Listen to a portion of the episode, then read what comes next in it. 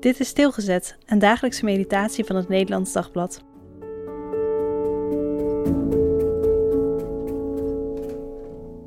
Aanpassen. Efeziërs 2, vers 19. Zo bent u dus geen vreemdelingen of gasten meer, maar burgers, net als de heiligen, en huisgenoten van God. Romeinen voelen zich heel wat, alleen al doordat ze Romeinse burgers zijn.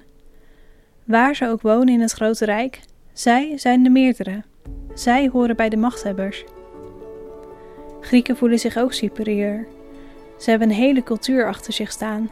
Zij kunnen hun mondje roeren. Zij zijn slimme handelaars en hebben overal contacten. Maar als Romeinen of Grieken zich bij de gemeente van Jezus Christus voegen, staan zij ineens op achterstand. Dan zijn het de Joodse christenen die alles weten van de schriften, die al een hele levensstijl hebben opgebouwd van zuiverheid en heiligheid. En nu ervaar je wat het is als anderen een beetje medelijdend op je neerkijken. Je mag meedoen, maar je moet je wel aanpassen.